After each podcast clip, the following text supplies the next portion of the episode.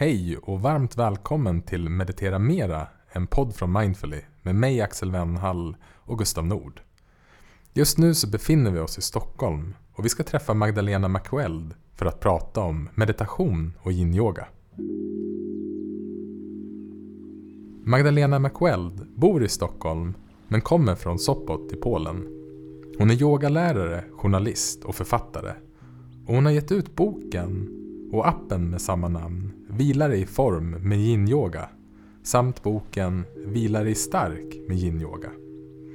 Magdalena var en av de första att lära ut yin-yoga i Sverige med regelbundna klasser och workshops sedan 2008. Idag håller hon bland annat i yin-yoga-lärarutbildningarna och har certifierat snart 2000 yin-yoga-lärare i Norden. De senaste 20 åren har Magdalena fördjupat sig i mindfulness-meditation och vipassana genom att åka på både kortare och längre retreats. I vårt samtal ska vi prata om meditation och yin-yoga. Kan man ha en medfödd stelhet? Vad är likheterna mellan yin-yoga och meditation? Hur kan vi sluta tro på allt vi tänker? Vad är en öppen form av medvetenhet? Och vilka tips har Magdalena för alla oss som vill leva ett mer närvarande liv?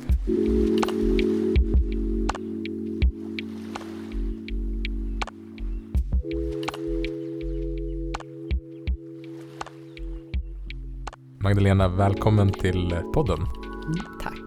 Det här är första gången vi träffas. Mm. Men vi käkade lite lunch innan. Vi var och käkade falafel här på vårt favoritställe. Och eh, Gustav sa det att, han tyckte det var kul att se två meditationsnördar gå igång och prata. Och det tänker jag att eh, det kommer vi fortsätta göra. Eller rättare sagt det är det vi ska göra nu i det här samtalet. Eh, men även såklart utforska yin-yogans värld Mm. och kopplingen till meditation. Mm.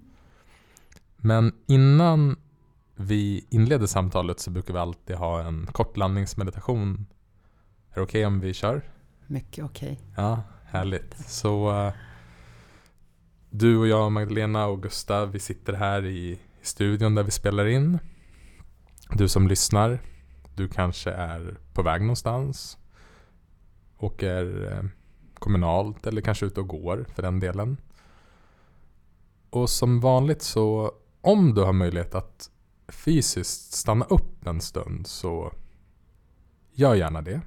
Men du kan även göra den här meditationen om du är i rörelse eller på väg någonstans och inte har möjlighet att stanna upp rent fysiskt.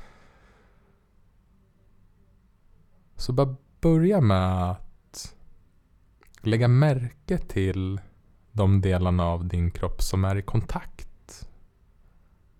Alltså att du kan känna tyngd, gravitation.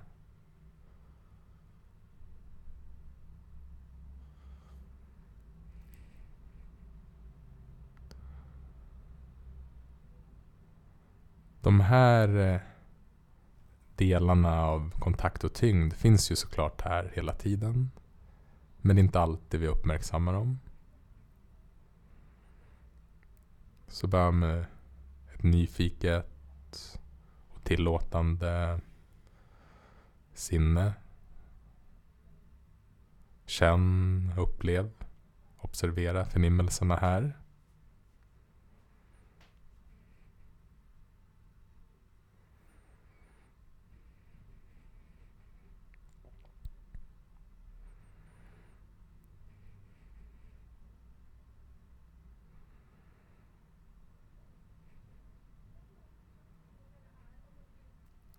Och samtidigt som du bibehåller kontakten, medvetenheten av tyngd.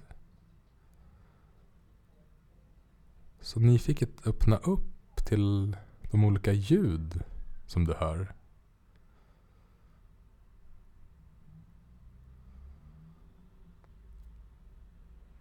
Notera att du inte behöver göra någonting för att lyssna. Ljuden kommer som min röst. Och sen försvinner de.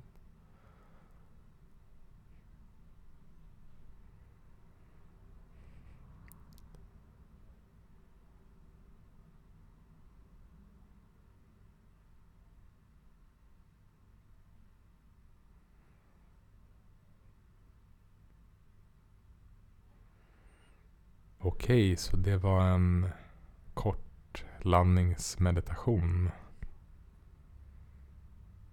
Fint. Hur mår du? Jag mår bra, mycket bra faktiskt. Speciellt nu. Mm. Efter den korta meditationen så kände jag att jag landade. Jag tyckte vi hade så kul, pratade så mycket, vilket vi kanske kommer göra nu också. Men att det blir ju, energin blir väldigt hög. Liksom, så det var skönt att landa. Mm, jag instämmer. Ja, eller hur? Jag eh, avvaktade att fråga dig på lunchen när du upptäckte meditation och hur din meditationskarriär ser ut. För att jag var så nyfiken men jag vill liksom invänta tills vi hade satt på mikrofonerna. Så nu är det ju läge och dags att fråga det. Så vad var du i livet när du upptäckte meditation? Och kanske att du också kan föra samman det med din resa inom yin-yoga som jag Mm. misstänker säkert har gått hand i hand. Mm. Jag föddes i Polen. ehm, sist, slutet precis på 60-talet. Och i en stad som heter Sopot. Eh, utanför Gdansk, alltså det är Gdansk, Sopot, Gdynia, trestaden som den kallas. I den här staden så fanns det en vegetarian. och kanske i Polen, för att det var så ovanligt. Och eh, han hette Marek och han var våran familjs, vi bodde all, hela familjen, mormor, far, mormor, mormors mor, mamma, morbröder ihop. Och han var en del av familjen liksom. Och han mediterade. Och satt i lotus och eh, stod på huvudet. Och hans mamma ringde ambulans flera gånger. Eh, så det var mitt min första kontakt faktiskt med den här udda människan. Och jag tyckte inte om kött själv. Men jag blev tvingad att äta kött. Men jag gömde ofta köttbitar. Men då tänkte jag lite på honom. Men han kan ju vara utan liksom. Så ehm, sen sedermera bara en liten kort sådär så har han faktiskt blivit eh, yogalärare och finns i Uppsala. Eh, och eh, han heter nu Karma Yogi. Swami Karmayogi. Eh, men så det var min första kontakt liksom. Och sen så flyttade vi till Sverige när jag var nio år. Och då fick min mamma en SFI-lärare som hette Eija. Och Eija var, blev också en del av familjen. Och hon åkte på meditationsretreats, tysta meditationsretreats. Så hon gav mig böcker om meditation, och, eh, men då var det zen-buddhismen. Hon gav mig böcker om astrologi, meditation, yoga, allt slags andlighet. Så att jag var väl väldigt liten eh, när jag började intressera mig för det. Men just det här med tysta retreats var någonting som var väldigt kittlande. Och att hon kom hem och hon, hade, hon åkte till Rättvik. Och med en man som hette Jacques Dropsy, kommer jag ihåg. Och, ja, det var en stor inspirationskälla för mig. Men eh, sen så började jag med eh, yoga. Och där fanns ju många meditationer i själva yogapraktiken också. Um, jag minns hur jag försökte men mitt sinne var så splittrat och fyllt av tankar och dåligt på att koncentrera sig så jag tänkte det där är inget för mig. Mm. Så att jag fokuserade mer på yogan och jag var skadad i ryggen också. Yogan hjälpte mig enormt.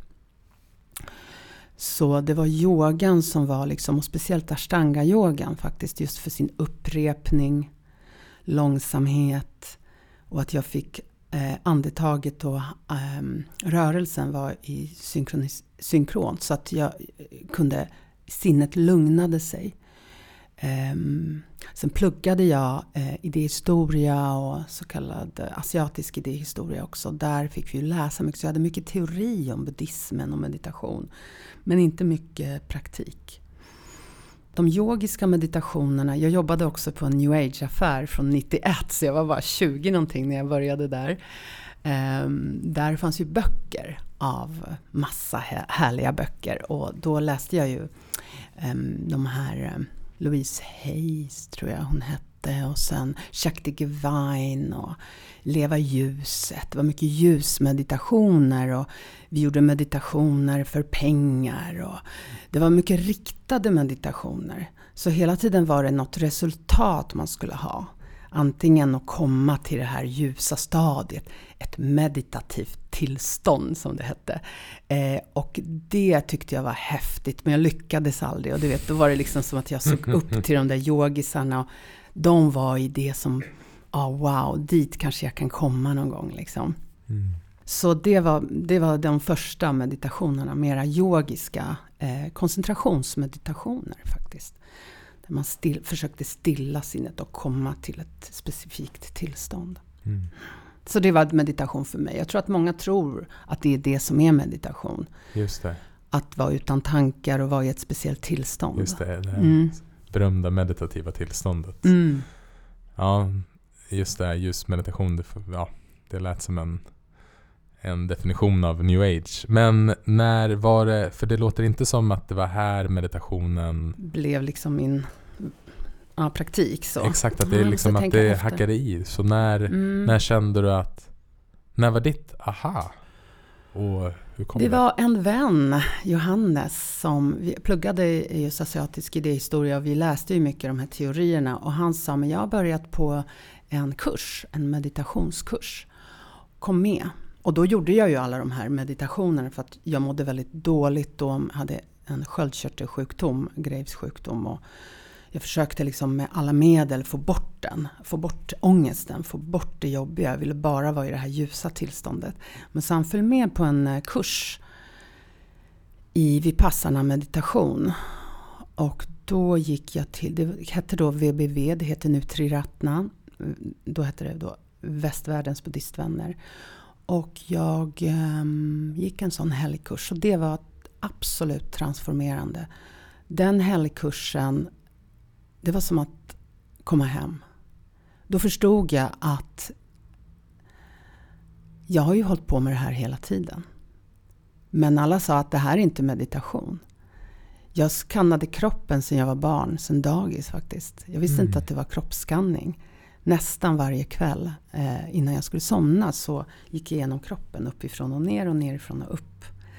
Jag gjorde olika former av de, de teknikerna som nu jag vet finns i Vipassana. Eh, och där fick jag liksom, wow! Och det var så enkelt också. Inget särskilt tillstånd, ingenting att uppnå. Utan bara här och nu. Och, eh, så det gav mig enormt mycket, så pass mycket. Och det är ganska ovanligt tror jag. Ja, efter dag, när jag, det slutade på söndagen. På måndagen började jag sitta 20 minuter.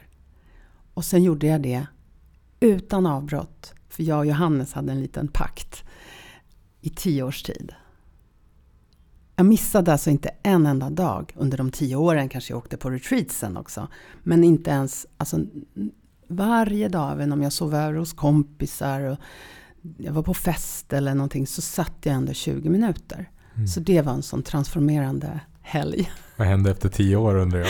Nej men då var det inte så strikt. Då fattade jag liksom, att fan, jag behöver inte sitta liksom varje dag, varje dag. Det är inte bra attityd, utan jag måste släppa liksom. Hinner jag inte så hinner jag inte. Det, det, det, är, en, det är en gedigen runstreak att behöva släppa taget om. Verkligen. Men det är ju uppgiften då. Ja, och, och, inte vara så seriös också med det där som jag hade varit. Men jag hade kanske behövt vara så seriös också. Jag tror att den där seriositeten, um, när jag fick in vanan att meditera, jag, jag gjorde det nog inte så i, i tio år. Jag har inte ens mediterat i tio år så det kan jag inte ha gjort.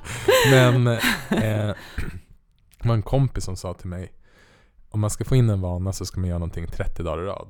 Mm. Och jag mm. bara, okej, okay, bring it on. Och sen kanske jag kom upp till, inte vet jag, 80 dagar. Och sen tappade jag en dag. Men då fanns det redan där.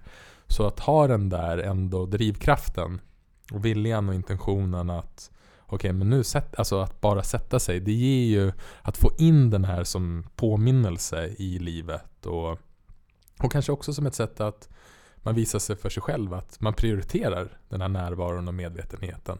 Att det är någonting enormt viktigt i ens liv. Jättefint beskrivet, jättebra. Så där tror jag liksom den prestationen Mm. verkligen kan komma till nytta. Mm. Och sen gäller det ju också sen att släppa den. När det är, när tiden är mogen oavsett om det är... Ja, för mig var det sådär. Men, men vet du, i början då trixade jag lite med mig själv så här. Okej, du behöver sitta. Mm. För jag gjorde ju de här kroppska... Jag gjorde det liksom när jag låg i säng. Men jag behöver sitta och göra... Observera andetaget. Göra eh, metta. Metta bhavan, alltså kärleksfull vänlighet. Eh, och då trixade jag med mig så här. Okej, du, du får sitta. Du får tänka på vad du vill. Bara du sitter. Så att jag sa till mig själv, okej du ska inte meditera nu. Så 20 minuter av inte meditation. Så jag satt bara där och eh, fick tänka, men det gjorde ju att jag fokuserade istället. För att det blev fritt. Och jag tror att det är det jag behöver. Jag behöver den där friheten, humorn, liksom inte så allvarligt. Det här yogiska var så allvarligt. Det var sån kontrast för mig med det här nästan, eh, du vet, yogiska, att komma upp till något större och högre och bli det här fullständiga, fullkomliga. Så var det så skönt för mig att bara, nej men, ja, jag bara sitter här och tänker på vad jag ska laga för mat. Jag behöver inte uppnå något. Här och nu, här och nu, här och nu, här och nu, här och nu. Sen läste jag faktiskt en bok som förändrade samtidigt mitt liv. Och det var av Lama Yeshe, Becoming Your Own Psychotherapist. Toppbok. Och den gav mig mycket bra instruktioner också. Efter fyra års av det här mediterandet så tänkte jag att jag behöver åka på en retreat. Och då frågade jag en vän som eh, var meditationslärare inom Zen om jag kunde åka på det. Så han sa, men varför åker du inte på Goenka, Vipassana, så tio dagars? Okej, tänkte jag. Så då kollade jag upp det och eh, kände mig lite nervös inför det och lite, lite pirrig och lite rädd. För jag hade varit med om så mycket jobbiga saker. Så jag var Mm. rädd för den där tystnaden. Liksom. Just det. Det tror jag är väldigt vanligt för alla oss som har åkt på tysta retreater och åkt dit till Goenka. Mm. Som jag också varit på. Men hur var det sen då? Eh, Jag åkte med min eh, partner Mats till Kerala, Indien. Och ehm, det var väldigt strikt. Striktare än i Sverige. Eh, Man fick inte sitta på sitt rum för man hade inget eget rum. Mm. Så man fick sitta i tio timmar i salen. Mm. Ja, det var både fruktansvärt, jag vet inte hur det var för dig. Det var både fruktansvärt och fantastiskt och roligt. Och det var jobbigt och s- väldigt jobbigt um, kroppsligen. Jag hade ju, var yogalärare redan. ehm, övade dagligen liksom. Men det var så, hade sån smärta i kroppen. Så otrolig smärta. Och ehm, det enda jag tänkte på eh, var hur jag ska sitta för att undvika den här smärtan. Känner du igen det? Ja, ja, herregud. Det är, alltså du var yogalärare. Ja. Tänk då att Ja. jag, jag var väl typ 30 när jag åkte. Hade idrottat hela mitt liv och typ stretchat tre gånger. Så att alltså det, det smärtan i mina höfter det var, ja men det var ju helt sjukt. Och sen samtidigt så var det den smärtan som var vägen in Exakt. till någonting Exakt. annat än någon insikt helt enkelt. Ja. Jag tror också lärarna, alltså de här assistentläraren, det är viktigt vem man får där. Och det kan man ju inte kontrollera, man vet ju inte. Men den läraren jag hade var väldigt bra. Han var liksom indier och eh, när jag fick eh, mycket rädsla och så här hjärtklappning och rädslan kom upp. Då sa han, don't run away. Just stay with it. Just embrace it. Mm. But you can go out in the jungle and scream. scream. så att han tillät mig liksom Mm. ändå vara, göra lite som jag vill. Eh, men alltså, så jag tror det är väldigt viktigt med tillåtelse och vänlighet Ja. runt omkring. Men för mig var det ehm, superhäftigt. Det var som att jag ja, landade hemma igen. Mm. Ja, men jag, hade, jag hade exakt samma Hade du? Ja, men samma upplevelse av att jag, liksom, det gjorde så ont så då tänkte jag men nu måste jag gå. så jag gick, gick till assistentläraren och bara Excuse me, it, it hurts too much. Och tänkte att så här, okej okay, men nu kommer den väl ändå ge mig någon typ av Ja men eh, sitt på det här sättet eller ja. gå ut och ta en promenad. Men han sa bara så här Can you be curious about the pain? Ja, ah, vad fint. Wow, det var ju fint. Mm. Och, och, och, men det var samma andemening som din lärare gav dig. att Kan du möta det? Kan du mm. undersöka det? Och kan du göra det med nyfikenhet och tillåtelse? Mm. Och vad, vad kan du upptäcka då? Och um, Det är ju på ett sätt en instruktion som gäller allt i livet. Verkligen. Mm. Att någonstans där fångar man en del av vad essensen är, vad meditation kan lära sig. För du kan vara med om samma situation men du kan vara med den på helt olika sätt. Baserat på hur du kan möta den. Och um, det jag upptäckte, var jag nyfiken på vad du upptäckte, men var ju att det som jag kallade smärta i själva verket bestod av massa olika fysiska förnimmelser som gick i en annan sorts vibrationstakt. Mm. Men då hade jag förfinat min koncentration mm. så att jag kunde se det här. Men när jag upptäckte det och, och kunde se att okej, okay, men hjärnan tolkar eh, tick-tack, tick-tack som smärta. Men om det går tick, tick, tick, tick så känns det behagligt. Så var det ju, ah, aha, okej. Okay. Smärtan som jag trodde var en sanning, det är liksom att komma en nivå under och se att den är förgänglig och det som gör ont ändras hela tiden. Alltså smärtan blev inte heller min. Det fanns liksom en avidentifiering mm. med smärtan. Där kommer vi ju då direkt in på yin-yogan. För yin-yogan kan ju upplevas som smärtsam. Ja. Mm. Och där har vi ju den här farliga och ofarliga smärtan. Och samma sak i vipassana smärta kallas ju det. Som ja. du upplevde och jag också. För du skriver ju i din bok om I versus oj. Mm. Kan du inte berätta? Så yin-yoga-positionerna är ju... Det finns ju olika sätt att lära ut yin-yoga. Mitt sätt är ju det meditativa. Jag kallar det mindfulness-fokuserad yin-yoga. Eh, att man använder yin-yoga-positionen som en meditationsposition. Man kallar det yin-yoga-position.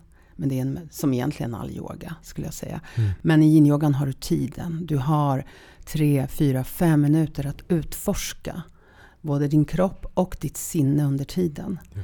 Och där har du också friheten i och med smärtan. För att ändrar du lite grann så försvinner ju smärtan. Så du tar, in, du tar en position och själv, du har, du har agensen själv. Du har kontrollen själv. Eh, vilket då också lämpar sig väldigt bra för traumatiserade personer, PTSD. Att du har, det är du som är in control. Eh, att utforska det obehagliga. Så det obehagliga i yin-yogan för det mesta är en muskulär fascial eh, smärta. Som är precis samma som vi pratar om vid passarna. Ja. Du ändrar lite på positionen så försvinner det. Mm. Jag fick ett råd, by the way, av en kompis innan jag åkte på den här tio dagars första Goenkan. Och han sa, jag sa, men har du något råd liksom? Ja, ett råd har jag. Försök att inte ändra positionen så mycket. Mm. Och det där skrattade jag så mycket åt under tiden. Bara, ja men thanks a lot. liksom. ja, men det, ja men det fanns ju någonting eh, väldigt fint i det. För det också i, men jag förstår, det var inte det rådet, vill du höra mitt råd jag fick? Ja. Var snäll mot dig själg. Ja, det ja. tycker jag skulle jag säga också. Var snäll mot dig själv skulle jag vilja ta det också. men det var jag faktiskt också. bra. Eh, men eh, med, på tal om yin så blir det ju väldigt liknande förnimmelser. Ja. Där du har möjlighet att utforska dem. Och som jag kallar det det? Så att zigzacka är att du närmar dig det obeha obehaget i målområdet där, där det känns. Och sen har du ett annat område som är neutralt. Mm. Så att du vilar lite där det är neutralt. I pannan visar jag här. Pannan eller till exempel käkarna eller eh, tungan eller eh, stortån eller näsan eller vad det nu än är. Och sen närmar du dig det här jobbiga området. Och du gör det lite grann, så du ska ju inte söka efter smärtan heller. Det är ju också en viktig poäng. Inte söka smärtan i yogan, utan närma dig, utforska den väldigt mycket. Kärlek, mindfulness, eh, kärleksfull vänlighet till din egen kropp och till dig Mm. själv. Så en väldigt mjuk form av yoga. Och jag tänker också koppla det till meditation så blir varje yin-yoga-position en fem minuters meditation. Som också kan vara ett bra sätt att närma sig meditationen för många. Mm. Att lägga sig i de här ställningarna där du ändå är vaken. Observerar kroppens förnimmelser, observerar tankar, känslor som kommer upp. Och så byter du. För det man, Nu har vi hoppat ganska långt. Men Ja, men det är fantastiskt. För tanken är ju att vi ska prata om både Mm, yin-yoga och mm. meditation. Och det jag tycker är fint med yin-yoga är ju att ehm, lite likt som på ett Vipassana retreat som du varit inne på, men också är ju att mm, man ganska snabbt kan ju möta sitt egna motstånd eftersom det kommer en, en, ett obehag eller en smärta och, i de här ställningarna. Och att kunna se att lära sig själv vad, hur ens upplevelse förändras när man lyckats, när man släpper motståndet. Och att se att smärtan på ett sätt kan bestå av två delar. Att den här smärtan som vi upplevde på Vipassana retreatet, det fanns ett till lager av det i det en motstånd. oj-smärta då. Ja, exakt. Men vi var i oj-smärtan. Mm. Och den var egentligen inte farlig. Nej, precis. Eh, men skillnaden för mig var också då att när jag kunde fullt ut acceptera smärtan, det var först då jag kunde också undersöka smärtan.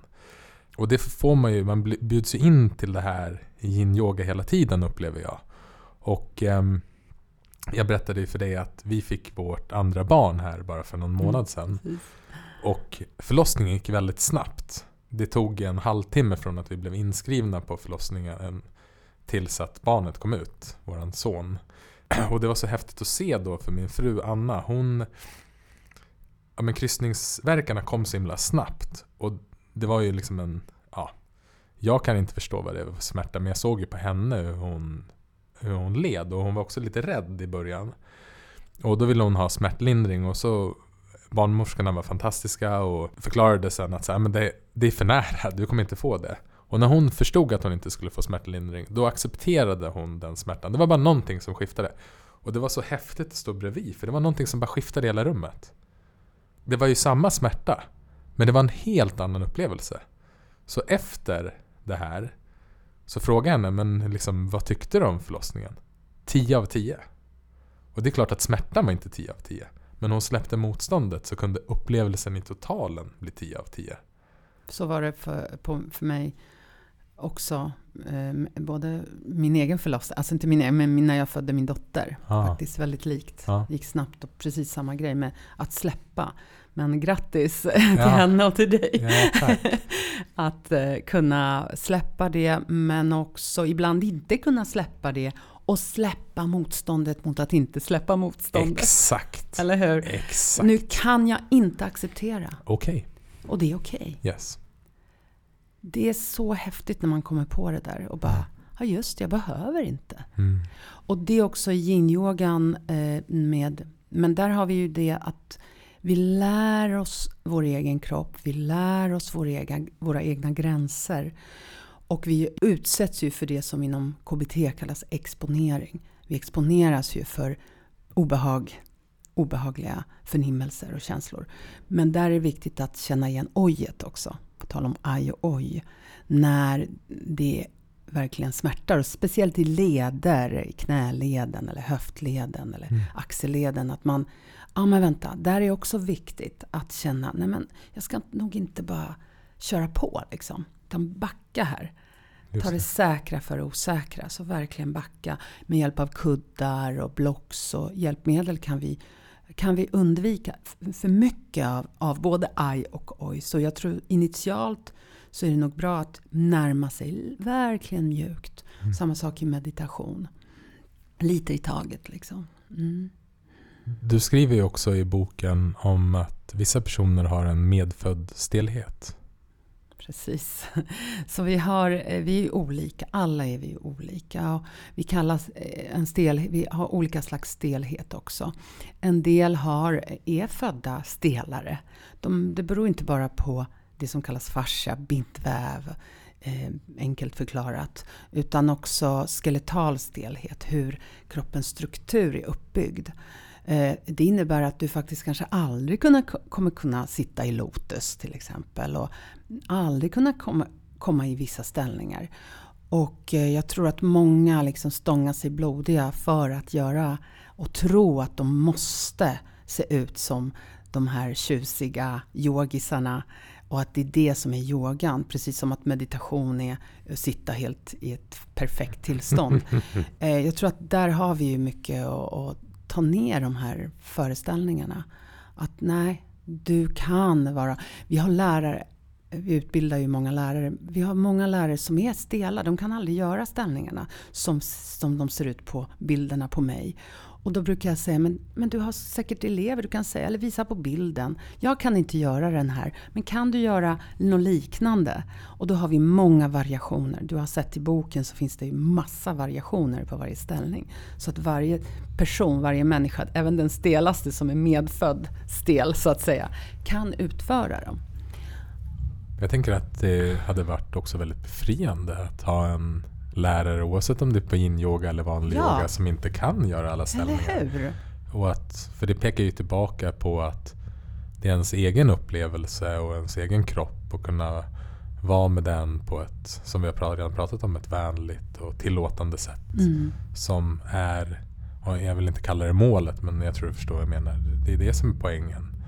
I alla fall för mig. Och absolut, absolut. Det är precis inget mål men en inspiration. Ah. Och eh, eh, finns säkert lärare som är i eh, sitt rullstol. Alltså, det finns egentligen inga begränsningar. Det finns, vi har haft en elev som är 86 år gammal som startar nu sina yogaklasser. Och eh, hon kan inte göra så mycket, men hon kan leda och berätta och visa bilder. Och, och så att det finns så många begränsningar vi människor själva skapar i vårt sinne när det gäller både meditation och, och yoga och alla andra delar, aktiviteter för den delen också. Mm. Som, som är bra för oss, som vi då, nej men det där är nog inget för mig. Och jag har börjat på improvisationsteater till exempel. Mm. Jätteläskigt och så roligt. Så bra att utsätta sig för, så obekvämt är det. Mm. Oh. Och ändå så är det så nyttigt och så häftigt. Med yin-yogan, om man lyssnar och kanske inte har utforskat det så mycket, vad skulle du säga är de stora fördelarna av att praktisera yin-yoga? Alltså först och främst skulle jag säga stillhet. Allting är i rörelse. Din kropp rör sig oavbrutet världen rör sig oavbrutet. Så även om du stillar kroppen så kommer ju den röra sig. Det vet vi ju som mediterar att det är miljarder förnimmelser och allting går i spiraler och rör sig. Liksom.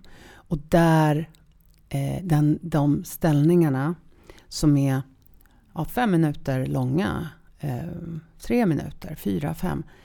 De minuterna är så mycket värda i den här världen som, som rör sig så snabbt. Att stilla sig. Att vara kvar. Att liksom bara vila i stunden. Utan någonting annat. Bara i den lilla stunden. Det tror jag är den stora, stora behållningen för många. För allting är ju yang. Yang är rörelse. Så vi behöver, tror jag, verkligen eh, stillheten. Mm. Mm. Passar eh, yin-yoga för barn?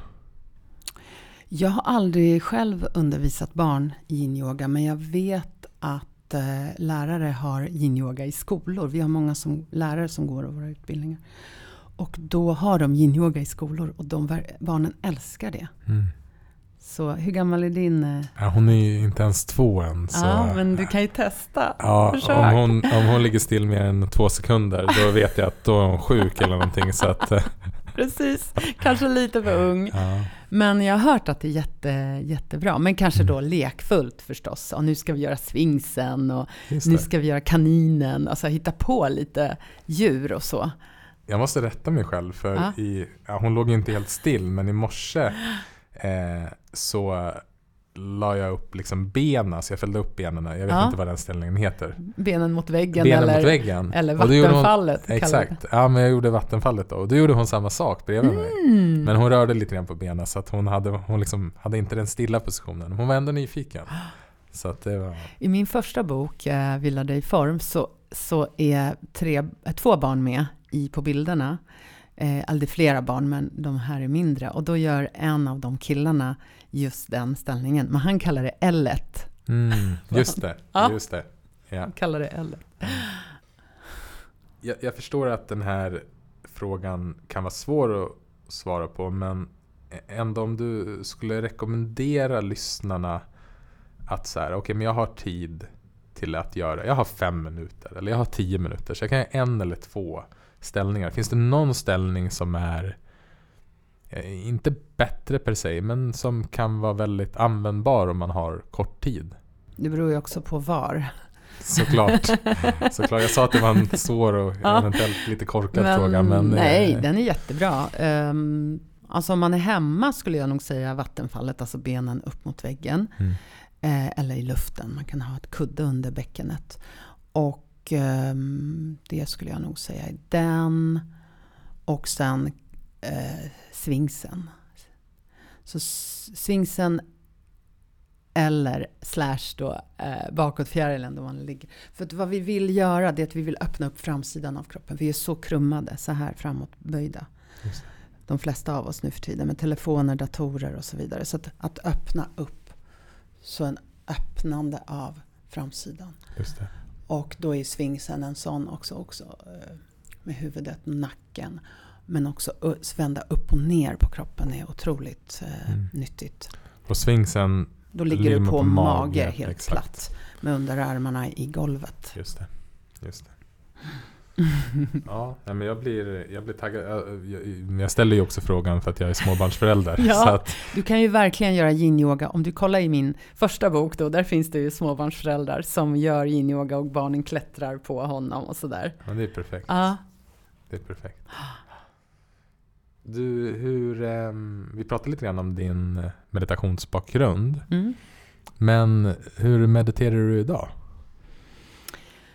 ja. Jag gjorde ju den här Goenka Vipassana. Sen åkte jag ju på regelbundna sådana eh, flera sådana kortare Goenka och så. Och sen upptäckte jag eh, Vipassana-gruppen, eh, en ideell förening där man har andra slags Vipassana-retreats, kortare med levande lärare. Eh, kortare sju dagar, fyra dagar och så vidare. Så att jag eh, började eh, engagera mig i, i, i det, liksom, i den formen av Vipassana som är lite annorlunda då än Goenka. Eh, där varje lärare har lite sin input och sin eh, teknik och så. Så jag var ganska eh, inne i det och eh, gjorde flera retreats eh, där. Och sen så fick jag en bok eh, som handlade om... Jag gjorde också på nätet faktiskt, det var länge sedan, jag gjorde såna här åtta veckors kurser, mindfulnesskurser och läste allt jag kom över och så. Eh, mediterade då varje dag, 20, 30, 40, en timma, ibland flera gånger per dag. Och sen så fick jag en bok som heter Dhamma Everywhere av Sayadaw Tejania. Jag fick inte boken av honom tyvärr då, men jag fick eh, av en eh, vän. Och den boken blev mindblowing för mig. Den heter ju Dhamma Everywhere. Och han poängterar i boken att Dhamma, alltså Buddhas lära och meditationen, mindfulness, är överallt. Och du kan meditera överallt. Och meditation är inte en ställning, utan det är ett sätt att leva. Eh, att du har ett meditativt sinne som observerar sinnet. Så att du har nästan eh, två sinnen. Ett som observerar, det observerande, bevittnande och det som det observerar. Mm. Och det var också sån här, wow, varför har ingen sagt det så här klart för mig? Liksom. Eh, och jag blev helt, helt liksom otroligt förälskad kan man väl kalla det i den lärarens sätt att beskriva. Sen skulle jag åka till Burma, jag och min kille Mats skulle åka till Burma. Jag tror det var 2012 kanske. Något sånt tror jag. Så åk, då, då hade vi anmält oss till Panditarama, ett Opanditas, Opandita väldigt strikt burmesisk vipassana-mästare. Liksom. Just det, för den Sayadaw som du pratade om först är också en burmesisk Precis, Sayadaw betyder lärare. lärare ja. Precis som Achan betyder lärare. Fast den mera i den thailändska Precis, skogskloster. Ja, precis. Ja. Så Sayadaw Tejaniya var en och Sayadaw Opandita åkte, eh, hade vi anmält oss till. Och i Burma, där i Yangon, så åkte vi runt en hel dag på olika center för att kolla in olika slags, eh, här är nörderi, mm. olika meditationslärare, mästare. Eh, och då kom vi då in på Sairo Tejaniya Center. Och det skilde sig så mycket mot alla andra center. Det var väldigt avslappnat. Det var grönt, det var mycket växter liksom. Det var lugnt de som var där, de kom fram och pratade och log och tittade henne i ögonen. Och jag tittade på Mats och sa Okej, okay, alltså vet du, jag kommer inte åka någon annanstans. Jag vill stanna här. Och han liksom, okej, okay, men vad ska, är du säker? Ja, hundra procent. Du kan åka, jag stannar. Och eh, sen fick vi fråga Sairo Tejania då, han var där, jag fick träffa honom eh, och fråga, eh, får vi stanna? Han sa no, no, no. Men då hade jag fått tips fått ett tips av en kvinna i Burma. Man ska alltid fråga tre gånger. Om de säger nej, de kan inte säga nej den tredje gången, för det är så buddhistisk tradition. så då hade jag det i bakhuvudet. Så han så sa jag, can we stay here please? Och han var, no, no, no, no, no, no, it's no good, just come. Uh, så jag alltså tänkte, ah, please, please, can we stay? No, no, no, no. Och sen tredje, can we please stay? Okej. Okay. Så då stannade vi där och det förändrade jättemycket för mig. Då förstod jag, okej okay, jag gör internetmeditation, jag sitter med datorn just nu och mediterar. Jag vet om. Så det här vetandet som är själva meditativa sinnet. Jag vet om vad jag gör. Känner du dina fingrar mot mm. bordet? Mm. Känner du att du sitter på stolen? Mm. Och ser du också att du har kanske en intention att säga något? Nu kom den ja. Så du, du, mediterar. Du mediterar varje gång du har detta vetande. Så det är vetandet du vill stärka. Och det kan du göra vilken situation, position, var som helst. Sati, mm. mindfulness kallas det. och eh, det stärks. Och det gör att du blir inte offer för din personlighet. Du kan vara lika knäpp och virrig, förvirrad, disträ, okoncentrerad som jag då var fortfarande efter så många års mediterande. Och kunna ha en stillhet som ser allt detta. Så under den där retreaten så stärktes det enormt. Så när jag kom hem så var det helt annan meditationsteknik och praktik. Jag, jag fortsatte att sitta men det var inte det primära. Jag försökte påminna mig under dagen. Vet jag om vad som händer just nu? Och också att jag kunde tillåta mig att vara mig själv. Och vara den här virriga, knäppa personen. Och mm. älska den precis som den är. Så att den starka vetandet är ju likvärdig mätta. Det blir ju visdomen som leder och visdomen är kärlek. Det blir otroligt accepterande, otroligt omfamnande och fritt. Det fanns inget schema på det här stället hos honom. Han vill inte ha scheman. Han vill att folk ska vara helt avslappnade. Du får sitta när du vill. Han vill helst undvika att folk sitter för mycket för då blir de beroende av den sittande meditationsställningen. Bra. Han vill liksom att det ska vara naturligt, precis som i livet. För hur ska vi kunna ta meditationen till livet om vi bara åker på retreats och bara mediterar där? Du sa när vi gick in, in här i studion att han eh, hade sagt “Don't come here on the retreat”. Nej, han sa så här, för jag åkte dit året efter och skulle stanna fem veckor tror jag. Och han liksom “You're here again? you don't understand”. Ja, nej men, så det förändrade väldigt mycket i mitt liv. Också yin-yogan, att ta in det verkligen. Att det blev så tydligt för mig att yin-yogan är meditation. Mm. Och all yoga, ashtanga-yogan är en meditation. Mm.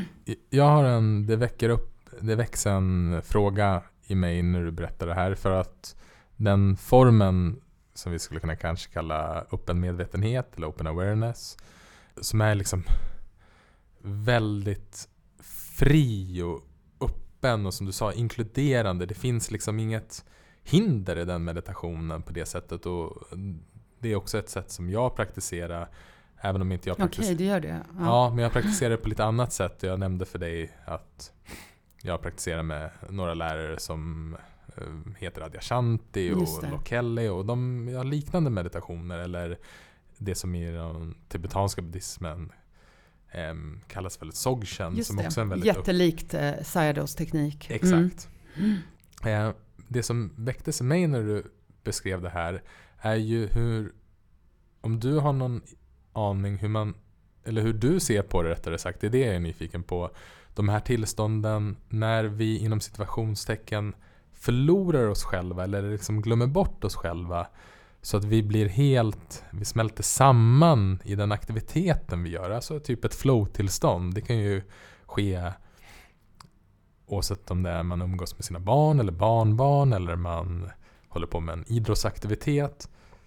För min upplevelse är att i de tillstånden så försvinner kanske det här vetandet. Men det blir en sorts enhet, en enhetlig... Det är egentligen bara ett varande på ett sätt. En, en fullständig närvaro på ett sätt. Men den här medvetenheten om att nu gör jag det här. Är jag osäker på om, om den finns i ett flow-tillstånd alltid. Ibland så pratar jag med min lärare fast han inte är med mig. Och jag kan se honom bara säga So what? That's mm. a flow. So just continue. Mm. Alltså, ja. ja. Du är här. Det är inte, många tror att det är ett tillstånd som vi vill uppnå. Mm. Men det är enligt då Buddha, eller Buddha vet jag inte, vi har inte pratat med Buddha. Men, men enligt i alla fall den här eh, teorin så skulle man säga som du säger att du kan ha det tillståndet och vara medveten. Då, då har du satt dig. Då har du vetandet. Och då kan du vara medveten om att jag är i ett flow och det är så skönt. Men det kommer också passera. Mm. Det är ett, bara ett tillstånd. Det är ett lika härligt tillstånd som ett icke-härligt tillstånd egentligen. Alltså härligt, härligheten finns i vetandet. Så vetandet är eh, guld och flowen är kanske brons. Just det. Så att du medvetandet, vetandet är en sån otrolig frihetskänsla. För då är du inte beroende att uppnå det här tillståndet av flow eller av uh, joggers high eller vilka tillstånd det än är. Är de eteriska. De uppkommer, de stannar och de försvinner. Mm. Men vetandet är din väg ut ur fängelset som blir beroende av sådana tillstånd innebär. Mm. Så det är fortfarande ett fängelse, men kanske ett skönare fängelse. En guldbur. Eh, men eh, så att ja, det här är min åsikt. Jag vet inte, det är vad jag tänker att Sayadaw skulle säga. Han är ju väldigt pragmatisk liksom. Mm. Eh, det var en kvinna som höll på med kundaliniyoga på hans center en gång. Det är nunnor som kommer dit. Alltså katolska nunnor. Eh, det är tibetanska munkar, det är alla, för att det är så öppet och tillåtande. Men det var eh, en kundaliniyogi som var där och hon sa, jag är så svårt och jag har ju övat mig liksom mantrameditationer i 20 års tid. Hon sa, so no problem. Fortsätt, men vad ha vetandet. Att du gör det här. Just det. De har du båda samtidigt. Så det är otroligt inkluderande. Otroligt eh, öppet.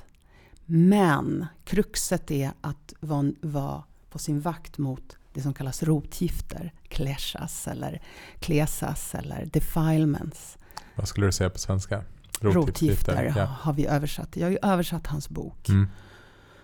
Det kan man gå in och hämta gratis som pdf. Så då översatte vi dem tillsammans med flera meditationslärare till rotgifter. Just det. Och vad är ett rotgift för de som inte känner till ja. det begreppet? Rotgifter är det som gör att jord, jorden och universum existerar. Nej, men, eh, det är um, greed, hatred, delusion, alltså ha-begär, girighet.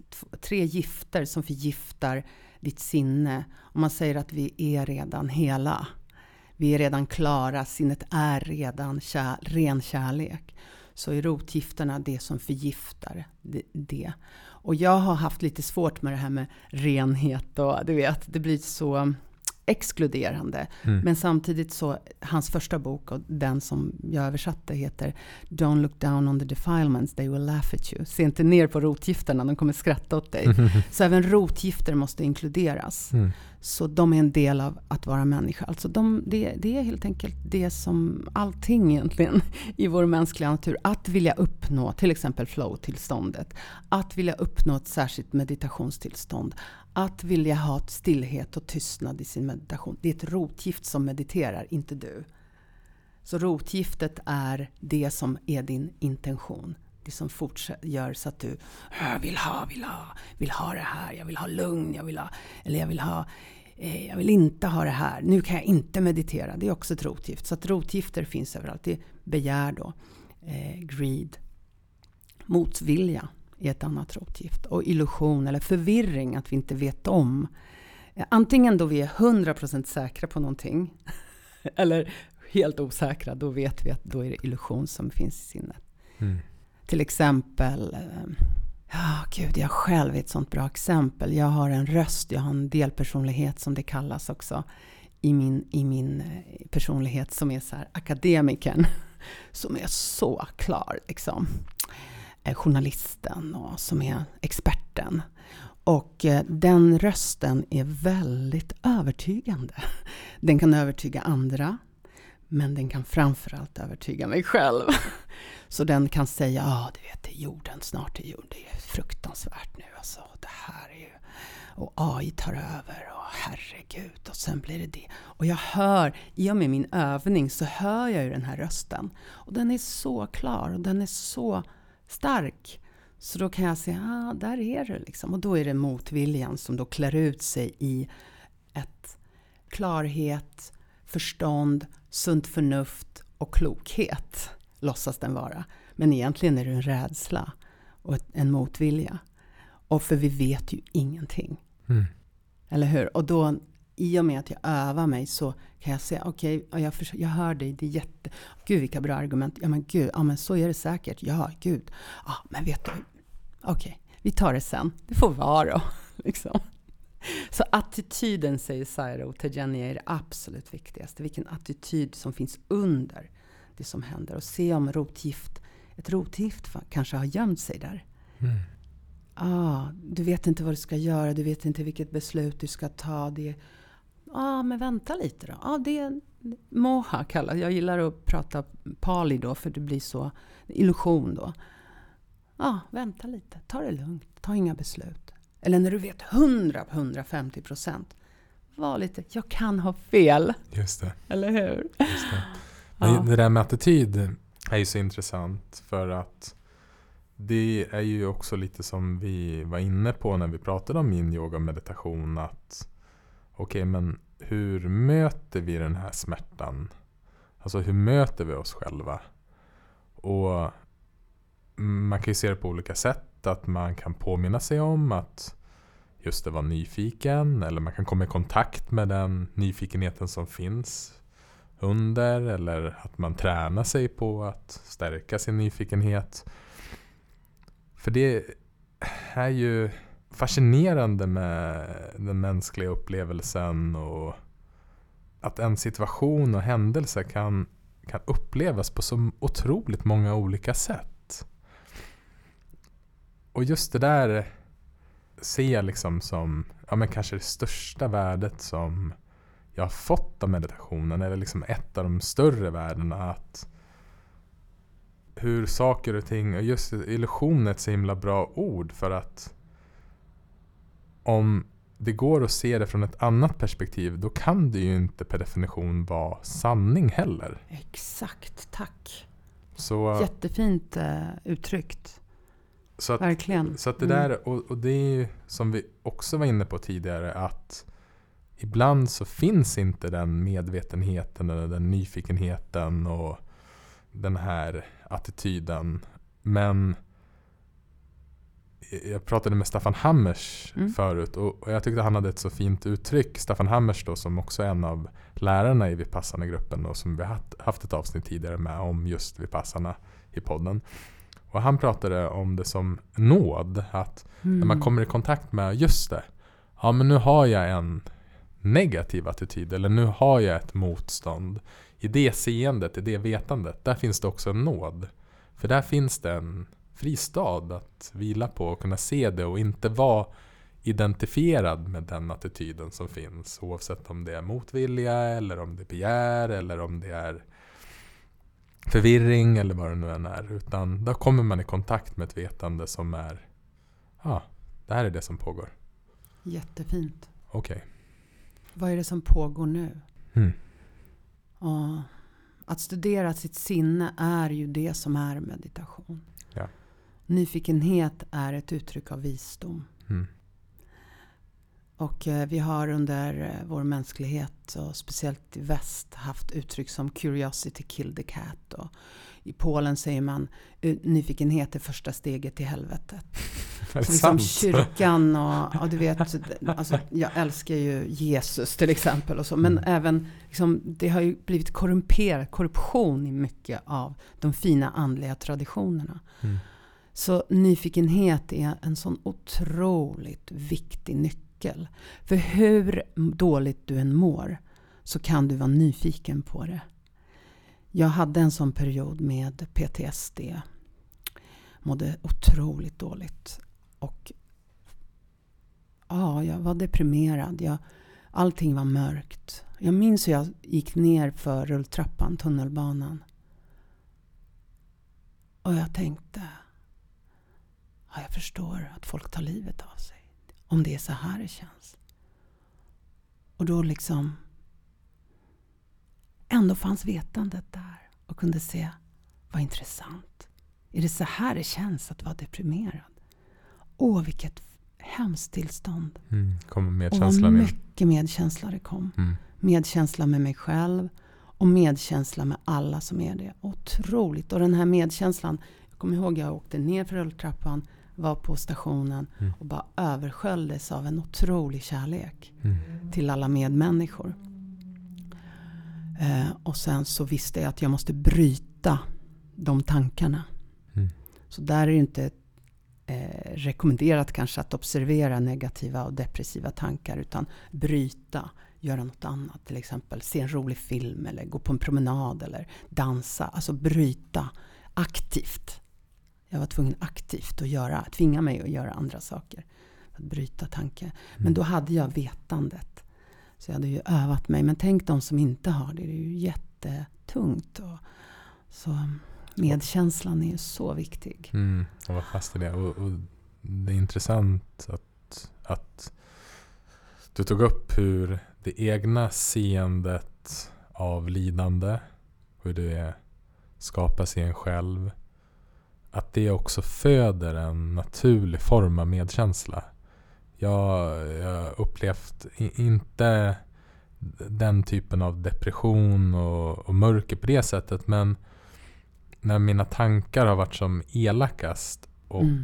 jag har fått nys på det och sett det mönstret så har det också väckt en enorm medkänsla, inte bara för mig själv som du var inne på, utan även för andra och se att fan, det är riktigt jävla tufft att vara människa ibland. Och framförallt när man är i den här torktumlaren och inte, eller fångad i den här tornadon och inte kan kliva in i mitten och se det och veta och inte vara identifierad med det. Det är, det är hemskt. Och också, det är intressant, jag, jag, jag har ingen aning men jag tänker mig att den här medkänslan, när man kommer i kontakt med det här vetandet på det sättet så då slås den på också, medkänslan och kärleksfull vänligheten. Att den finns inneboende. Du, du nämnde tror jag förut att vetandet är kärlek också. Mm. Och det som jag är så fascinerad över är att det är så många människor som verkar rapportera samma sak Mm. utifrån sin egna upplevelse. Mm, fint. Att det inte... För, jag, för mig växte ett tvivel. Vad då medvetandet, kärlek? Alltså du vet, det, nu är vi tillbaka lite grann på new age och ljus etc. Mm. Men som upplevd min egna verklighet, upplevd när jag liksom har varit på de platserna. Fan, det är ju kärlek. Ah. Det är liksom, och det är inte... Det är vad det är och jäkla härligt att det var kärlek och inte ilska som var där. Tack, eh, ja, om det finns en gud, tack gode gud. Eller tack universum eller tack verkligheten Mm. för att det var så. Mm. Du skriver ju i din bok om eh, ett ord som kommer från pali tror jag, som heter papancha. Mm. Kan inte du berätta om det? För jag tycker det är så, också så intressant och, och eh, belyser en del av det vi har pratat om Mm. Eh, papancha ehm, brukar jag använda mig av just för att det har ingen konnotation med något svenskt ord. Vi kan inte liksom koppla det till någonting. Papancha, bara hör du hur det låter? Mm. Papancha, papan. Det är någonting som liksom är lite dramatiskt. Så papancha är egentligen alla slags fabuleringar i, i sinnet. Överdrivna oftast eh, eh, om antingen framtiden eller det som har varit eller det som är nu. Eh, det jag beskrev förut, liksom, när jag kan lyssna på min akademikerröst, typ, som är övertygad. Ja, det kommer bli så här och AI kommer ta över världen och det blir så. Och, eh, la, la, la, och massa olika scenarios. Det är som filmer. Jag har, eh, jag har skrivit en dagbok på det här. På, och jag brukar skriva på, på retreats. Och då har jag precis läst ur en dagbok från ett meta-retreat. Och då skrev jag så här. Tänk att jag alltid velat, när jag var liten så ville jag bli filmregissör. Och nu är jag det. I mitt eget sinne. Mm. liksom. eh, så att Papancha är någon slags filmer vi skapar om framtider, fantasier om det som kommer hända. Oftast överdrivna och mer liksom väldigt utmejslade. Det kan också vara minnen, ni vet. Till exempel eh, det som har varit så är det Åh, det var så fantastiskt då. Och det kommer aldrig bli så här igen. Åh, och den där kärleken jag mötte då. Åh, vilken fantastisk... Åh, det var så här. Åh. Den här, oftast den här, tankarna har den här rösten. Åh, åh. Dramatiskt liksom. Man kan lyssna på sina tankars olika ljud också, hur, vilken form de har. Skulle du säga att dina filmer utspelar sig mest i det förflutna? Eh, mycket i framtiden. Ja, jag, Jag, är jag, liksom planer, papancha, typ, jag, är, drottning. ja, ja, men jag är tillbaka till framtiden hela tiden. Alltså, och blivit, alltså det, var, det har hänt var, med bägge barnen när jag blivit förälder. Så är det så här, okej. Eh, ska du skaffa ett riktigt jobb? ska, du, ska du köpa ett hus? Hallå, vad håller du på med? Ah, Och bara så här, oj, just det. Ja men, eh, det är ju försommar här nu, jag har det ganska bra men, men, men det, och det som jag tycker är, alltså illusionen blir ju så stark för att det sitter ju så hårt i kroppen, Kroppen, och ja. kommer till känslan och det bara, det blir så verkligt. och det blir inte bättre av att vi tittar mycket på filmer och serier och eh, med mobilen. För då skapar vi en vana av att titta se i bilder. Mm. Så att ju mer serier och filmer vi tittar, desto närmare och lättare blir det för papanchas att komma upp. Så att vi skapar ju egna serier. Jag menar, alla filmer och serier är ju någons papanchas. Mm. Ja, det är sant. Det är någon som har läst ett manus och fått bilder i huvudet och skapat och förverkligat dessa. Och gjort ett casting. Castat eh, de här skådisarna. Eller hur? Så det, samma sak gör ju vårat sinne. Vi castar ju våra framtida papanchas, våra framtida filmer av hur verkligheten kommer se ut. Och vad vi gör då, det är att vi förlorar kontakten med det som, enda som är verkligt. Och det är här och nu. Mm. Vi förlorar kontakten med hälsa, både mental och fysisk. För närvaro i kroppen här och nu är extremt hälsosamt. Nu ska vi komma in på lite kinesisk medicin, men då pratar man om prana eller qi, pratar man i kinesisk medicin, i yoga, prana. Här och nu, att vara i kroppen är liksom Det är superfood för sinnet. Och när du är borta, framtiden är tillbaka, så förlorar du dig själv. Du förlorar chi, du förlorar prana. Så tillbaka till här och nu, till kroppen, övar du dig på att förbereda dig på det som ska komma. Det är det enda sättet. Ju mer närvarande du är, ju mer du övar dig på här och nu, desto mer väl förberedd är du på de eventualiteter då som du inte går in i och planerar med så kallade papanchas. Mm. Eh, men det är, jag tror att det är viktigt att göra det med humor. Det är viktigt att göra det roligt. Och på mina yin-yoga-pass och workshops då pratar jag på det här sättet. Så att man... Eh, för jag tror allvaret är lite farligt kan man nästan säga. När det blir för strikt och för allvarligt. Lekfullhet, humor, glädje. Men det finns ett djupt allvar i just det. Så de får ihop. Så Papancha är ett fantastiskt humoristiskt sätt att beskriva vår mänsklighet faktiskt, hur vi människor funkar. Mm. Jag är så glad att du tog upp just, för jag var satt och tänkte på det, just det här man hör någonting som Papancha, att det känns så allvarligt och tungt och en, liksom en negativ del och man kan skapa ett motstånd. Men just som vi varit inne på tidigare, hur viktig attityden är här igen. Och bara se sin upplevelse, alltså se efter själv. Hur är det när jag är emot den här delen som, som liksom går på auto-repeat? Och hur blir min upplevelse när jag kommer i kontakt med, det, eh, med den klokheten och visdomen som gör att jag kan le och skratta åt det? Och, så här, och till acceptera att ja, men så här är det att vara människa. Mm. Um, men återigen, nåden i vetandet. Jag behöver inte identifiera mig med den delen som måste ha ett hus just nu. Att, du eh, kan identifiera dig men du behöver inte lyda det. Nej, exakt. Ja, precis. Exakt. Du kan bara, okej, okay, det, det, får, jag får vara det då. Ja, men det, det, skapar kanske smärta också. Ja. Så, eftersom du inte är där. Nej, det, ja. exakt. Men det blir ett begär. Ja, ja och ett lidande i det. Ja, ja, ja. 100 procent. Mm. Så att, ja, det är... Eh, jag tycker att den andliga vägen, det, det, den gör en ödmjuk. Ja, i bästa fall.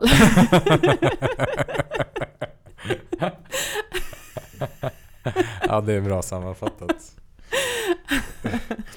eh, Du har ju studerat med många olika buddhistiska lärare och är väldigt inne i den buddhistiska meditationen. Och en, ett koncept eller en terminologi som man använder mycket är ju emptiness jag vet inte om man skulle översätta det på svenska till tomhet. Mm. Vad är din förståelse av emptiness eller tomhet? Mm, inte vilken nivå man ska lägga sig på så att det inte blir för abstrakt. Jag ska försöka förklara det så enkelt som möjligt. Kanske också att jag omformulerar frågan lite grann så att på vilket sätt det hjälper mig kan jag säga i exakt, min dagliga, min exakt. dagliga Ja, men hjälper insikten om emptiness dig? Har du sett Matrix? Flera gånger. Då kommer du ihåg när Neo, heter han va? går till en uh, oraklet. Mm. Så sitter det en pojke och tittar på en sked. Och så säger han “There is no spoon”. Det är emptiness. Anatta kallas det också skulle man kunna översätta det. Alltså icke-jag eller icke-själ brukar det översättas. Men det är egentligen, i min förståelse så är det samma sak. Vi säger att det här är ett glas. Jag har ett glas framför mig. Men vad består det av? Finns det glaset eller är det bara vår, vår benämning på ett kärl som håller i vatten? Vi har ett bord som vi kallar ett bord. Men vad är det egentligen när man går djupare? Och vad är jag? Vad är jag, Magdalena, som sitter här och pratar? Finns jag egentligen? Är jag kanske skapad av min kultur, min uppväxt? Jag finns ju förstås. Jag heter Magdalena. Men om man går djupare så ser man en konstruktion. Och när man förstår det på djupet då kan man liksom inte längre ta saker på så stort allvar. Mm. Då ser man igenom den formen. Man ser igenom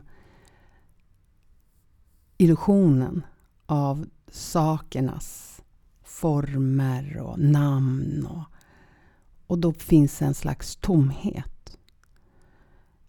En lärare som heter eh, Trungpa Rinpoche. Det finns ett fantastiskt eh, quote av honom så, som är The bad news is that you're falling without a parachute. The good news is that there is no ground. Så att vi, vi tror att vi är på en planet och det är fast och det är grund. Men vi är ett universum utan slut. Och samma sak i, vårt, i, i vår egen kropp och i vårt eget sinne.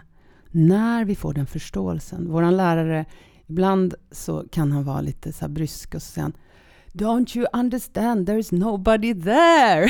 liksom. Och jag har aldrig, but I don't understand. Okej, okay, okej, okay, you don't understand. Okej, okay, it's okay. liksom. Men ja, sen har jag tänkt, vad men, ah, just det. Det är seende. Det finns bara sex saker som kan hända. Hörande, seende, känsla i kroppen, tankar, smak, doft. Och så kan det finnas tre, reaktion på, tre reaktioner på dessa sex. Jag tycker om, jag tycker inte om, jag är neutral. Så enkelt. Och vem är det som gör det? Jo, det är våra vanor.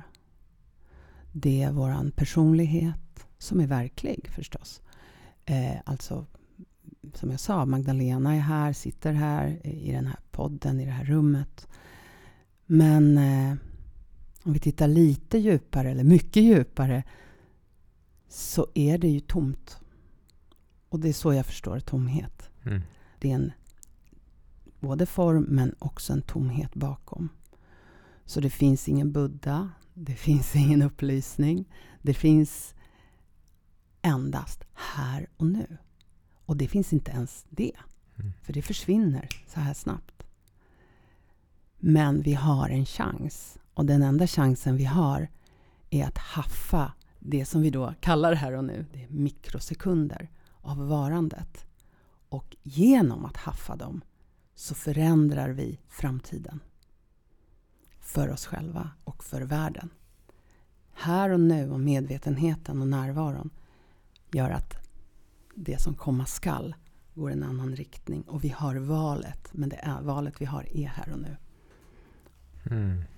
Ja, fint. Tack. Så det, det, är inte så lite att säga var här och nu. Nej. Det är liksom man skulle kunna höra hur universum skakar. Och bara, hallå, fattar ni?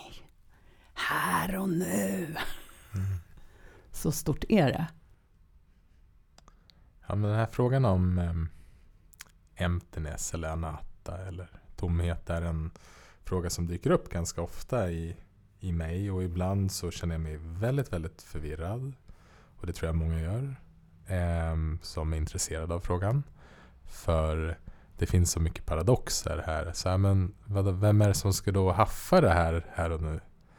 Det, är liksom, det blir en motsägelse där.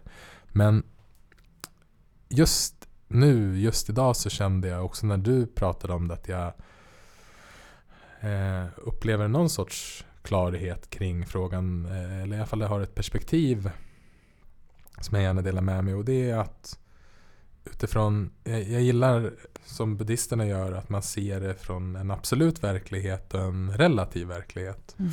Och i den relativa verkligheten så sitter Magdalena här och Axel och Gustav och har det här samtalet. Och det finns en psykologisk process, en, en kallad selfing. Alltså så här, ja, är inte, den är inte beständig. Den Axel som jag är idag är ju en annan Axel än för igår eller kanske ännu tydligare för fem år sedan. Så att det är liksom, den, här, den förändras i någon typ av process i, i vem jag är då. Men utifrån ett absolut perspektiv så är det ju precis som du säger att allting är ju samman... Jag, jag gillar också uttrycket att med MTNS att det, allting är sammankopplat. Att det är, mm det är också sammankopplingen mellan allting. Alla interna samband som är helt o, oräkneliga. Jag tycker att träd på ett sätt är en, det gör det lite enklare för mig. Jag fick den instruktionen för några år sedan. Men så här, kontemplera träden. Så här, vad är trädet?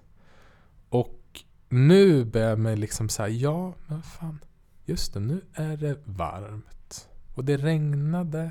Och nu börjar det komma gröna blad. Okej, vad är trädet och vad är... Och bara se hur allting hänger samman. Nature, Ja, att, alltså naturen. exakt. Och eh, också hur jag på det sättet är ju annorlunda. Eh, vad som händer i mig när jag träffar dig och vi delar intresset av meditation och närvaro. Oh, jäklar vad mycket energi. Kontra att kanske liksom prata om eh, en lägenhetsrenovering. Aha, okej, ja just det. Ja men där är och, och att det bara förändras hela tiden som du var inne på. att Jag kan inte hitta den här essensen av mig själv. Och om jag kan hitta någonting så är det fortfarande någonting som kan se det återigen tillbaka till vetandet. Och det här som jag kan se, det förändras ju. Alltså att, så jag tror bara den klarheten som jag kände just nu var att jag kunde hålla både det absolut, absoluta och relativa i Mm. varsin de, hand. de är tillsammans som yin och yang. Ja, Det är precis samma sak. Det är, Axel är verklig och du finns här och du, ska, du är du. mm. Men du är också det, an, alltså det som är vetandet. Ehm, att du kan se Axel och Ja. bli bästis med honom. just det. Bli din egen bästa vän. Bli din egen närmsta. Och på tal om träd så eh, kanske du vet att Buddha var väldigt noga med att när han på sin dödsbädd så bad han de närmaste, Ananda, sin kusin och Sariputta och de här munkarna att kom ihåg att det är väldigt viktigt att inte ha, göra avbildningar av mig Mm. och göra så här symboler av mig. Ja, stackars Buddha.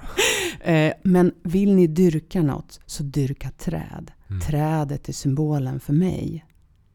Mm. Achan Suchita, en av mina, mina andra lärare kan man säga, är, och det har vi Forest Tradition, alltså den thailändska. De, de lever ju bland träden. De lever ju i träden. Så Achan Suchito säger att alltid när han ska åka någonstans, när han är i någon stad, så brukar han titta in träden. För det är hans fokus liksom. Mm. Alltså ha kontakt med träden. Liksom. Så naturen är ju så viktig. Och jag tror att vi människor eh, gör gott i att ta oss till naturen som vi i Sverige faktiskt gör. Ja. Alltså att vara i naturen, promenera, vara bland träden, vara bland bergen. Så helande. Ja. Och där, alltså släpp det där med meditation om du inte orkar. Ja. Åk ut i bergen. Ja. Åk till naturen bara var. Ja.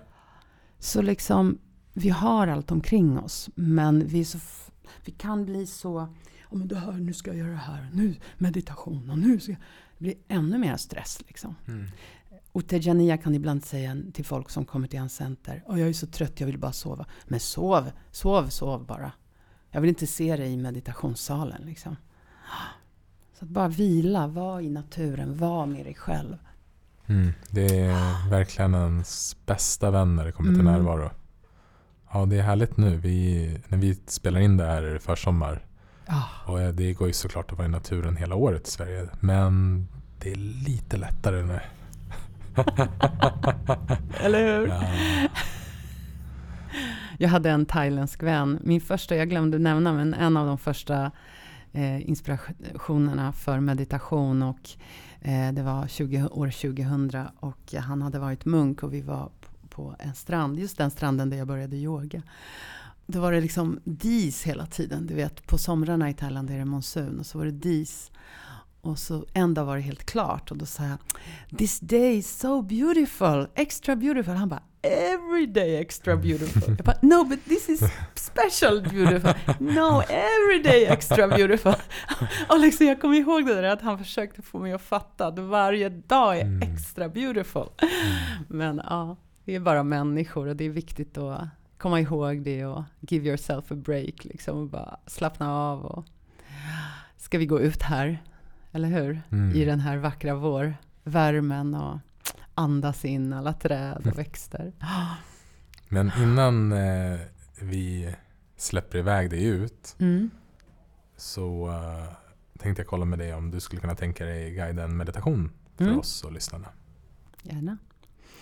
Ehm, Jag tänkte att man kan om man vill lägga sig i en yin position mm. under meditationen. Man kan också eh, sitta om man vill. Mm, så antingen lägga sig in eh, ja, med benen i, mot väggen eller eh, i en annan valfri yin position, position och så ska jag guida. Så bara känn att du är närvarande här och nu i denna stund.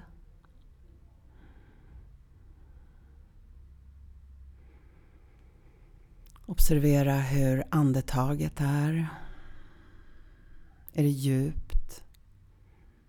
Eller är det ytligt?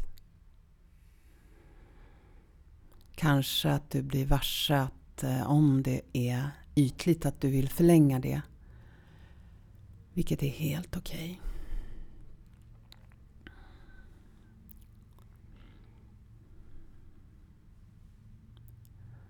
Och känna axlarna.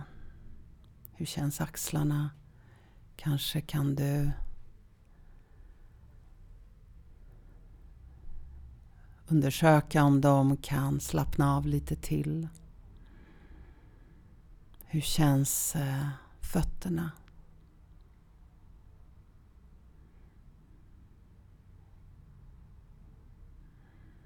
Hur känns andetaget i kroppen?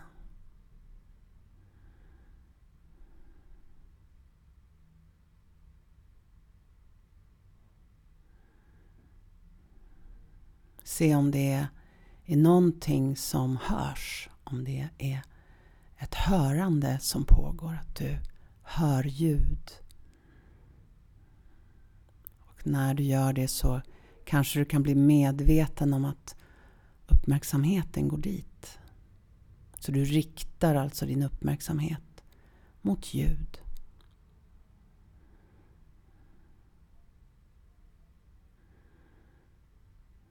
Och nu när jag säger att eh, känn ah, magen och andningen kanske där så är uppmärksamheten på buken eller bröstet, magen.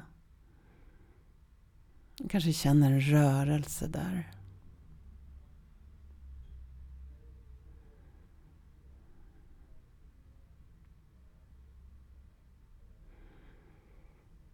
Och hur du nu sitter eller ligger eller är i en yogaposition kan du vara medveten om kroppens position, alltså hela kroppens position hur fötterna är just nu. Utan att röra dem eller försöka förändra utan bara hur de är just nu.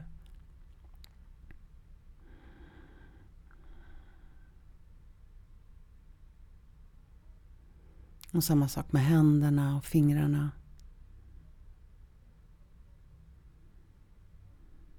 Du kanske kan känna fingrarnas temperatur.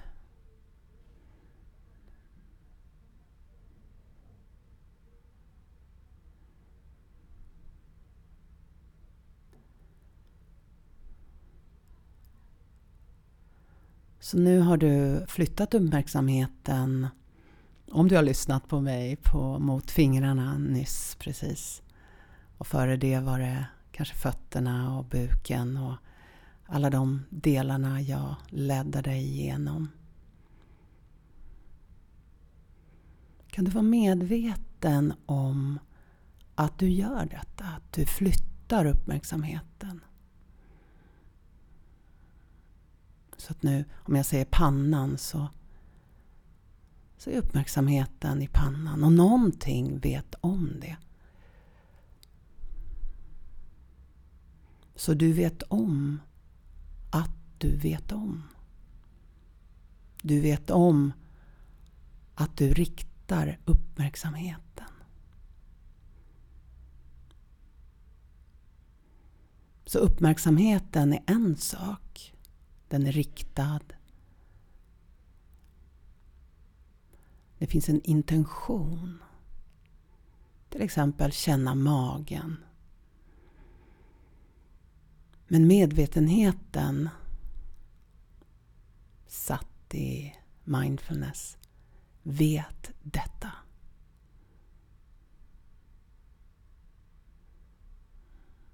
Så den finns i bakgrunden som registrerar.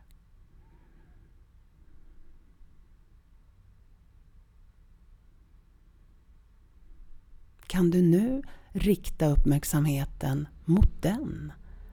Mot själva vetandet?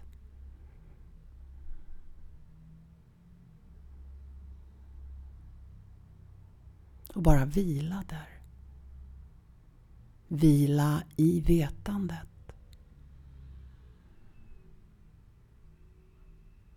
Awareness. Medvetenhet.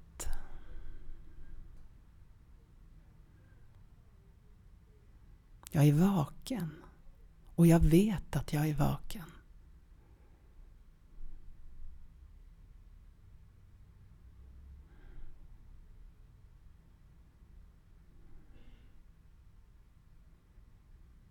Och så kanske du tappar bort.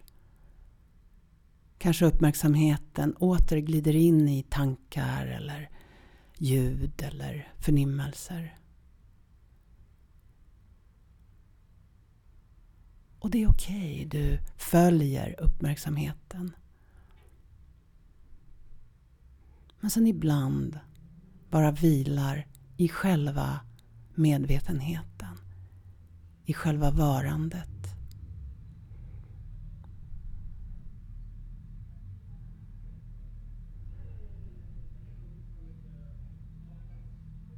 Och vi kommer avsluta snart men du kan fortsätta och vara medveten om medvetenheten, om varandet under resten av dagen. Och eh, då och då påminna dig om den. Ja, just det, vet jag om?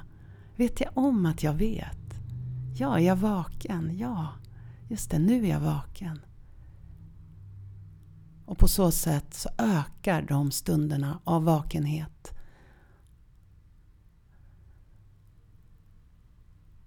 Och eh, mindfulness blir en del av livet.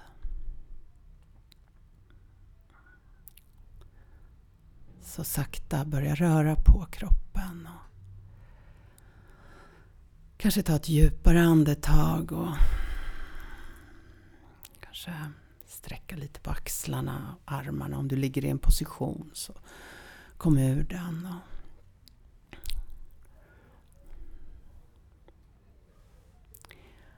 Jag vill också lägga till att det är väldigt härligt att göra det här med öppna ögon. Så sitta på ett café, vilket jag gjorde innan jag träffade er. Satt på ett café och bara mediterade med öppna ögon. Såg, tittade också var blicken gick. Så seende meditation. Var går min blick? Och där kan man ju styra. Nej men det är inte bra för mig att titta på den där löpsedeln. Liksom. Just det. Så att medvetandet är hela tiden bakom uppmärksamheten. På tal om eh, Dhamma everywhere. Mm, på tal om Dhamma everywhere. Of course with open eyes. du, tusen tack för den här fina meditationen. Tack. Det var så kul att träffa dig. Det var första Samma. gången. Ja. Men eh, definitivt inte den sista. Hoppas det. Mm, jag med. Tack snälla. Tack. Tack. Tack för att du har lyssnat på det här avsnittet av Meditera Mera från Mindfully med Magdalena McWeld. Vi hoppas att du har blivit inspirerad av vårt samtal och av hennes meditation. Och om du vill komma i kontakt med Magdalena så hittar du hennes kontaktuppgifter på vår hemsida mindfully.nu. Och är det något vi tagit med oss från vårt samtal med Magdalena är det att undersöka skillnaden mellan aj och oj. Både när vi gör yin-yoga, när vi mediterar och såklart i livet i stort. Vi hörs snart igen. Ta hand om dig.